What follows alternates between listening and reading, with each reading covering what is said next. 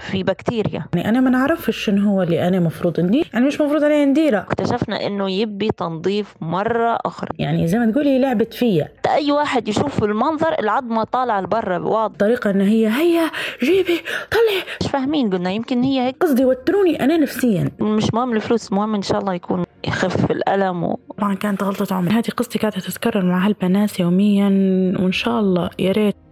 أنا تقوى الرايس وأنا رندا صقر. وهذا البودكاست هو نتيجة لمشاركتنا في أحد برامج تدريب الصحفيين في مؤسسة البيرو وساعدنا في إخراجه وتحريره زميلنا مالك المغربي. اخترنا نديرو هذا البودكاست على أهم القضايا اللي تواجهنا في مجتمعنا الليبي واخترنا قطاع الصحة. خلال فترة البحث على قضية نشتغلوا عليها كان عندي جاري مريض بالقلب وقرروا يديروا له عملية ولكن للأسف توفى خلال العملية. وسمعت من الناس إن الدكاترة لعبوا فيه زي ما يقولوا. توفى نتيجة خطأ منهم. من هنا جتني فكرة الأخطاء الطبية. استشرت زملائي مالك وتقوى وعجبتهم جدا الفكرة وتحمسنا للشغل عليها. بديت أنا وزميلتي تقوى في رحلة البحث على قصص لناس متضررة. إحنا عندنا فكرة أو تخيل بسيط على الموضوع بس حبينا نعرفه ونسمعه قصص أكتر. فقلنا خلنا نكتبوا post في group على الفيسبوك ونطلبوا من الناس تحكي تجاربها. تفاجأنا أن هالبنات عندها تجارب سيئة. وصلوا التعليقات ل 300 تعليق وقصة وكل قصة كانت أسوأ من اللي قبلها. البوست هذا كان قاعدة البيانات الرئيسية لهذا العمل وشدتنا هلبا قصص وتواصلنا مع عشرين شخص باش يحكي أكتر على تجربته معنا. وللأسف كان الرفض والخوف كبير ما عرفناش علاش. حتى وافقت فاطمة تشارك قصتها مع زميلتي رندا. حاولت نسمع أكثر على القصص اللي تم مشاركتها معنا في البوست ولكن كان صعب الحصول على إذن منهم لمشاركتهم في هذا العمل بسبب تحفظهم وتخوفهم من الموضوع. أما بالنسبة لفاطمة تعرفت عليها خلال أحد أجزاء قصتها عن طريق أحد المقربين ليها توا نقول لكم بعدين أمتى وكيف. فاطمة تعيش في جدابيا لتجي شرق ليبيا وتبعد 180 كيلومتر على جنوب بنغازي. عدد سكانها 416 ألف نسمة. تشتغل فاطمة في مجال التعليم وهي اللي دايرة بالها على أسرتها أبوها وأمها. لكن في منتصف عام 2020 تفاقم المرض. ربي يطول العمر إن شاء الله. كان يشكي من الفطريات. له يعني كل سنة تقريبا تجي شوية شهر هيك شهرين وت- وتخف. آه، رمضان السنة اللي فاتت زادت آه، أصبح يشكي منها حتى في الليل يبكي. والعلاج اللي كان يحط فيه ما يأثرش فيها. المهم في دكتور في جدابي دزنا على دكتور في بنغازي. قالنا هذا تخصص أوعية دموية. هذا يعني أحسن مني في الموضوع هذا.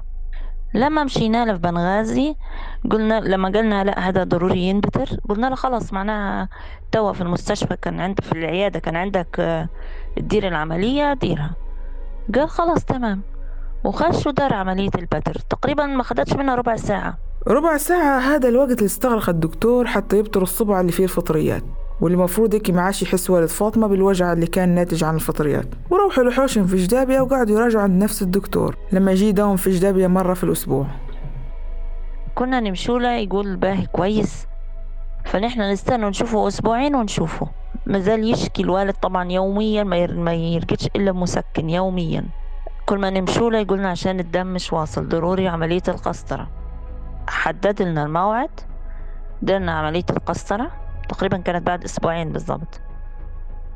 هو اللي نفسه هو اللي دار عملية القسطرة ونغيره على الجرح. يوميا ما فيش أي تغيير.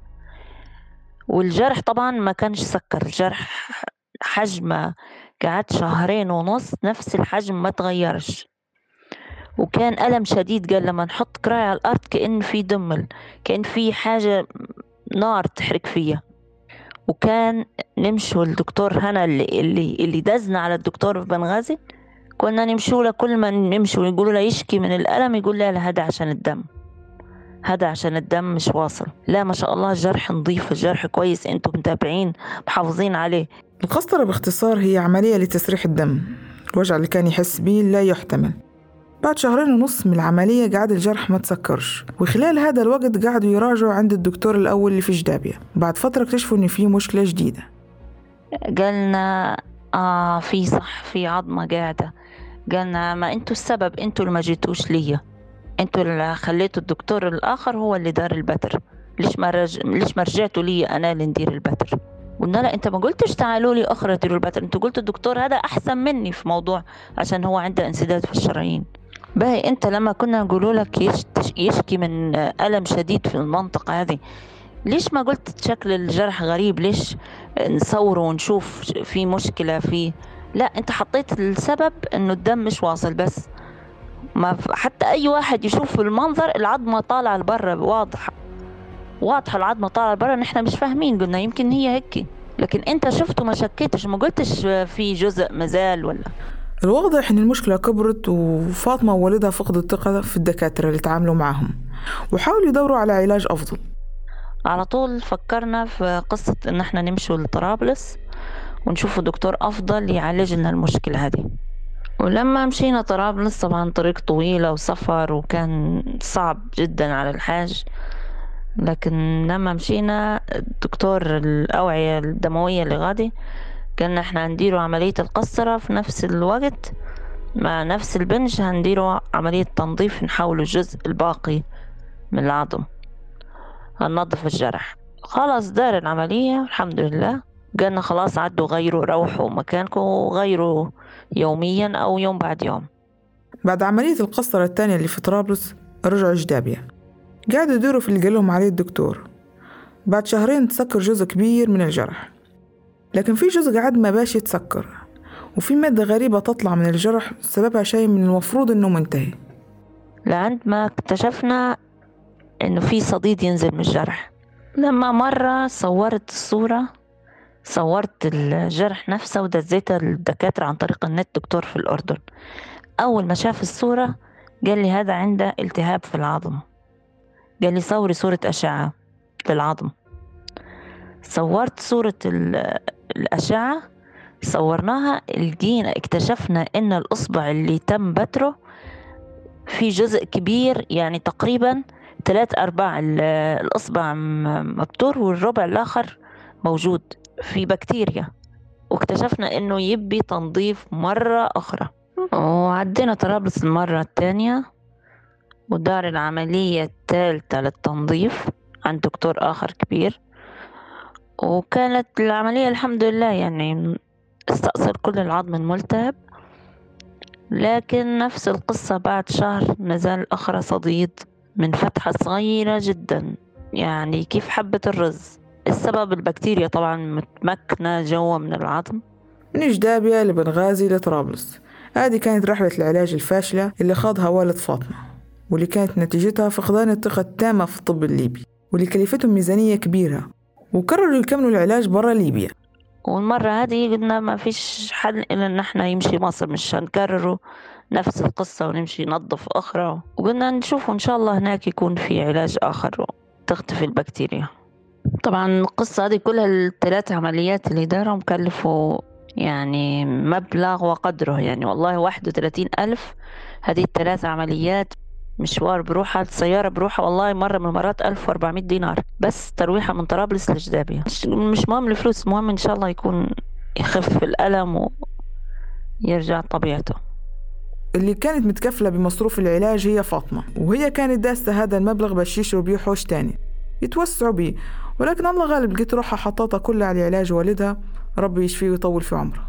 على فكرة أنا تعرفت على فاطمة خلال زيارتها التانية للعلاج في طرابلس. كان عن طريق أحد أقاربها اللي هو أصلا أحد معارفي. آه يعني مش عن طريق البوست؟ لا كان صعب نحصل شيء من الناس اللي علقت. لكن أعتقد أن حظك كان أحسن مني. الحق يا رندا كان متعب نحصل موافقة من ناس لشاركة تجاربهم. لكن أصريت نعرف أكتر من قصة ونتواصل معهم.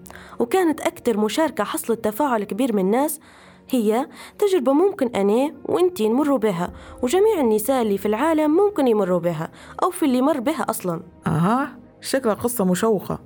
وعندي رغبة نسمعها مش راح نطول عليك. بطلة القصة اسمها مها ومن سكان العاصمة طرابلس وهي حامل في أول بيبي لها. وبعد تسعة شهور وفي يوم 24 12 عام 2020 جاء الوقت اللي مفروض تجيب فيه البيبي. نسكرت شهري اللي هو كان موعد يوم 21 12 2020 وأنا نستنى نجيب طبيعي وما جانيش لجاع وما عنديش أي بادرة من بوادر الولادة. مشيت للدكتورة دارت لي توسيع وروحت للحوش وعادي أموري هانية. بعد يمكن يومين أو ثلاثة أيام اللي هو طبعا جاني يوم آه، الوجاع القوي جاني يوم 24 12 أنا ما كنتش نحسب أنه هو وجاع آه، الولادة هذا نفسه طبعا أنا كنت نحوس ونضم ونتحرك على حالي في الحوش. ما كنتش نحسب أن هذا الوجاع القوي طبعا زي ما كان يامت لي قبلها. قال لي راجلي هيا نطلع نمشي نتمشوا هيك زي ما قلت لك دكتورة احتمال إنك أنت تجيبي. قعدت نحسب يجيني الوجع بعدالي تقعد خمسة دقايق. خلاص في الأخير أنا ما عادش قدرت نتحمل. قلت له خلاص للعيادة. طبعا إحنا لما مشينا للعيادة وأنا قاعدة في الطريق كلمت دكتورة قلت لها يا دكتورة أنا راهو أه نحس في وجع كذا كذا كذا وعندي وجع. من الصبح قالت لي كيف أنت هيك؟ بري للعيادة ويديروا لك تخطيط وأهو جاية. من بداية الحمل كانت مها تتابع عند دكتور من العنصر الرجالي وأمورها الصحية تمام حسب التحاليل. لكن في الشهر الثامن اختارت تتغير دكتورها لدكتور تاني وفضلت إنها تكون من العنصر النسائي وهي يلي من المفروض راح تكون المسؤولة على توليدها طبيعي حسب التفاهم بينها وبين مها. مشيت أنا للعيادة. لما أنا خشيت للعيادة لقوني مفتوحة سبعة سنتي حالة ولادة خلاص. والدكتورة كلمتها وقالت لي أهو جاية. فالدكتورة اللي دارت لي كشف قالت لي راهو أنا توقتي تكمل الساعة ثمانية. فوصت عليك دكتورة استشارية لكل العيادة اللي هي تقعد أهنية تشوف الحالات وتقعد أهنية يعني تولد. ما خلونيش نركب لين جاي راجلي وحط فلوس تحت الحساب وفتحوا لي ملف. خلاص ركبوني فوق لصالة الولادة لبستني المريول وجوني الممرضات اللي غادي. طبعا أنا لأني أنا بكرة ومش مجربة موضوع الولادة نهائي من قبل فقلت لهم قصدي كيف شنو اللي أنا نديره وشنو اللي ما نديراش لا ارقدي أنت تحسي في نفسك حاجة بتطلع منك نادينا قعدت طبعا يا ربي تعالوا فيا كذا ما قصدي ما جاني حد منهم. آه، فوتت شوية تانية جتني آه، دارت لي كشف تاني لقيتني إن أنا عشرة سنتي. لقيتها ل 11 إلا عشرة ونص حاجة زي هيك. أنا خشيت لهم الثمانية ونص المغرب. طبعا هذا كله أنا ثلاثة ساعات للساعة 11 خلوني الساعة واحد ونص في الليل وأنا نتمروج طبيعي وأنا نقولهم أرحموني برحمة ربكم ديروا لي عملية. من بعد دخول مها لغرفة الولادة قعدت تقريبا ستة ساعات حتى الساعة واحد ونص بعد منتصف الليل وما صار الشيء. والوجاع كان قوي هلبة وماش قدرت مها تتحمله. وخلال هذا الوقت الدكتورة مازال ما وصلتش بكل والدكتورة الاستشارية قررت تخليها وتروح. جتني ركبت لي آه انت ما شاء الله عليك هيا في الساعة وتجيبي هي بالسلامة. قلت لها عفوا يعني معلش تقعدي معي أنا بكرة راهو والله ما عارفة حاجة يعني بالله عليك تقعدي معي تسايريني شوية. قلت لي إن شاء الله تجيبي عليه خير وهي بالسلامة.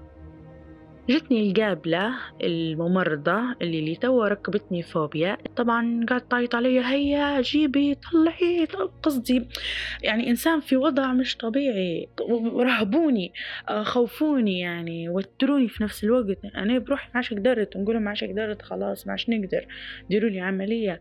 البيبي يقولوا لي إحنا نشبحوا في الشعر متاعها هيا طلعي إحنا نشبحوا في الشعر متاعها. لا لا لا هي هي قصدي رهبة جتني. فأنا خلاص أنا لما هم يعيطوا عليا ويوتروا فيا أنا أغمى عليا. أنا لما أغمى عليا طحت هم قعدوا يعيطوا. يخبطوا يقولوا حالنا ماتت. تخبط فجأة تقول لي لا ما تموتيش نوضي. تموتيش حالنا حالنا هذه كيف؟ يعني هي مفروض جتني من الأول كانت معي أنا قبل ما نمشي للعيادة بعت لها وأنا في الوجع لما حسيت انه هو كل خمسة دقايق كلمتها قلت لها دكتورة كذا كذا قلت انت بري للعيادة انت خلاص حالة ولادة. وآهو جاية. يعني هي عندها علم بيا من الأول. لو كانت هي قلبها علي راهي لحقتني وهذا غلط كبير منها لأني أنا نتابع عندها. ولو هي برضو عندها قلب راهي قعدت معاي لين شافتني أنا شن وضعي وولدت ولا لا. مش روحت وتقولي تجيبي على خير ومشت وخلتني. ثالث حاجة مدايرين لي آه، دكتورة على أساس دكتورة وهي قصدي قاعدة تتعلم. ما تقدرش تدير عمليات هذه مناوبة. ثاني حاجة هي صغيرة في السن هلبة يعني ما تقدرش تتحمل المسؤولية هذه. بيبي توفى ومش معروف. أمتى وكيف توفى؟ ومها تبهدلت على يدين الدكاترة والممرضات. على الفاضي الواضح بسبب سوء التنظيم في المستشفى وقلة الخبرة. وأيضا انعدام المسؤولية ومع إهمال دكتورتها لها. اللي صار للبيبي إن وزنه طبعا أربعة كيلو هو وأنا بكرة وهما ما ساعدونيش أنا باش نطلعه. طبعا هو الباين إنه هو يطلع ويركض. فهمتي؟ يعني هو اختنق. ولدي طبعا طلعوه من بطني. أنا نحس فيه إنه هو متوفي من الأول لأن لما دارولي بنجوني ما عيطش ما عيطش نهائي البيبي. طبعا لما جاتهم قلت لهم معلش هذا مع الساعة تسعة الصبح. قلت له معلش نبي نركب فوق للحضانات عادي نشوف ولدي. قلت لي كيف ماما؟ أنت ما عندكش علم إن ولدك مريض ولدك جاي دهش نهائي. قلت له علاش؟ قصدي ماشي في بالي طبعا إن الحضانة الطبيعية. قلت له قصدي في الحضانة العادية اللي عادي أي بيبي فيها. قلت لي لا ولدك في العناية. ولدك ما عندهش أكسجين نهائي. ولدك قلبه عايش على الأجهزة. ولدك جاي داهش. أنا انهارت. بجديات مش حنسامحها. بجديات مش حنسامحها لكمية الألم اللي حطتها لي. أنا لومي عليهم هم كلهم. لو هم مش قد المسؤولية علاش يتحملوا فيها؟ عندي إحساس كبير إنه هو متوفي من الأول وعندي إحساس برضو إنه هم مخلينا في الحضانة باش ياخدوا حق الحضانة. أنا طبعا خدوا مني حق الولادة الطبيعية لأنهم خيطوني خياطة طبيعية وخدوا مني حق العملية خدوا مني حق الحضانة. يعني خدوا مني مبلغ سبعة آلاف وخمسمية على ولدي عاش 13 ساعة. والله انهارت. انهارت من كمية من لقطة كيف قالت لي الكلام وانهارت من كمية إن هم عذبوني وانهارت من كمية خلوني يعني نتمرج مش حتى حولوني طول العملية نقدوني أنا نقدوا ولدي. أنا لحد الآن عندي فوبيا. ليا تو حاليا أربع شهور جايبة. عندي فوبيا مش جيابة قصدي حتى حد بنحمل من أول وجديد ما عادش قدرت شكر خاص لكل من مؤسسة البيرو الإعلامية على إتاحة هذه الفرصة لعرض هذه القضية ونشكر أيضا أبطال هذه القضية على شجاعتهم لمشاركة قصصهم. وما ننسوش زميلنا مالك على الإخراج وتحرير هذه الحلقة.